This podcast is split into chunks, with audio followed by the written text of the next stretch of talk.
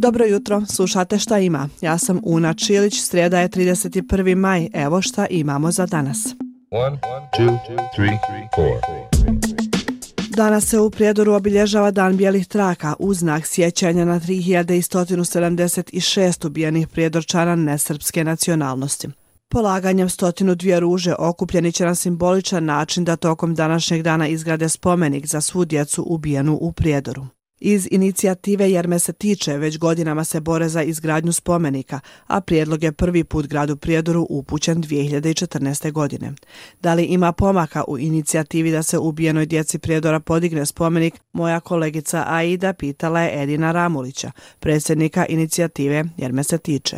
Pa mi smo, nažalost, prvi pet godina prošli u odbijanju vla, lokalnih vlasti da, da, da o tome govore, da se izjasne. I onda smo došli u situaciju 2019. kada smo napokon e, otpočeli jedan dijalog, e, došlo je do smjene tih načelnika, predsjednika Skupštine, kada smo otpočeo dijalog i taj dijalog je dao tako dobre rezultate, znači nije niko uh, imao protivljenje od svih tih, znači svi su učestvovali ti predstavnici političkih stranaka koje imaju svoje odbornike u lokalnom parlamentu i najviše smo to tako jednu pozitivnu atmosferu, uglavnom su to i bili mlađi ljudi, ti političari koji nemaju direktno iskustvo rata i nadali smo se da, je, da smo zapravo blizu tog cilja. Međutim, sad, evo, sa, imali smo i varedne izbore, od lokalnih izbora se promijenio i načelnik u prijedu i sadašnji Slobodan Javor, apsolutno odbija bilo kakav e, susret s nama, sa roditeljima ubijene djece.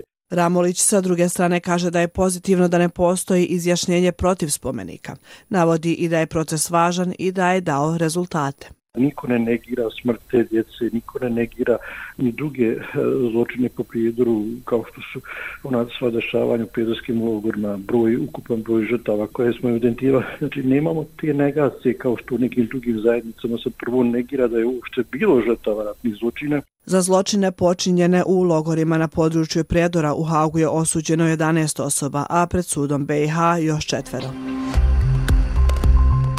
Danas će mehanizam za međunarodne krivične sudove donijeti konačnu presudu u predmetu protiv bivših rukovodilaca Srbijanske službe državne bezbjednosti Jovice Stanišića i Franka Simatovića. Stanišić, bivši šef službe državne bezbjednosti Srbije i Simatović, bivši komandant jedinice za specijalne operacije, nakon obnovljenog postupka su prvostepenom presudom osuđeni na po 12 godina zatvora za učešće u zločinima u BiH. Konačnom presudom Stanišiću i Simatoviću završava i rad Haškog tribunala na procesuiranju zločina počinjenih tokom rata u Bosni i Hercegovini. Kako bi povezali nezaposlene osobe sa poslodavcima, služba za zapošljavanje kantona Sarajevo danas u Domu mladih održava sajam zapošljavanja. Kako je rekla vede direktorica službe Edina Ljubuškić, oni koji su u potrazi za poslom imaće priliku da na sajmu uspostave direktan kontakt sa poslodavcima, predstave im se i predaju svoje biografije. Na sajmu učestvuje oko 60 poslodavaca, pa eto, ako tražite posao, nije loša prilika da danas vratite u Dom mladih.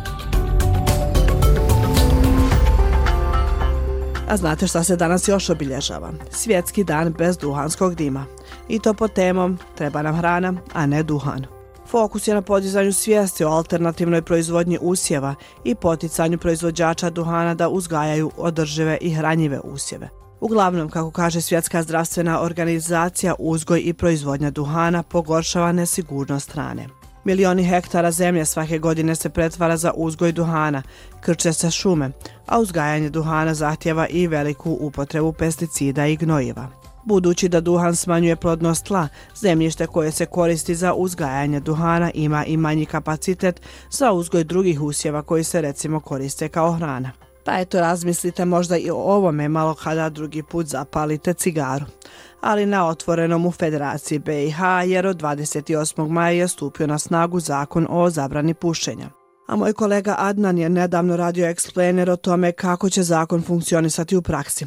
Pa hajde da vas podsjetimo. Pušenje će biti zabranjeno u svim zatvorenim javnim prostorijama, vozilima javnog gradskog saobraćaja i privatnim vozilima ako se u njemu nalaze maloljetne osobe. Zabrano pušenja obavezni su osigurati vlasnici i korisnici prostora gdje je zabranjeno pušenje, a na svim mjestima mora biti istaknut znak zabranjeno pušenje, dok se zabranjuje postavljanje pepeljara i drugih posuda za odlaganje pepela. Pušenje će biti dozvoljeno samo u određenim prostorima za smještaj gostiju. Tu mora biti istaknuta oznaka dozvoljeno pušenje ako se u objektu poslužuje isključivo piće. One, two, three, Eto, to je sve od mene za danas. Ja sam Una Čilića, vi ste slušali podcast Šta ima. Čujemo se neki drugi put. Ćao.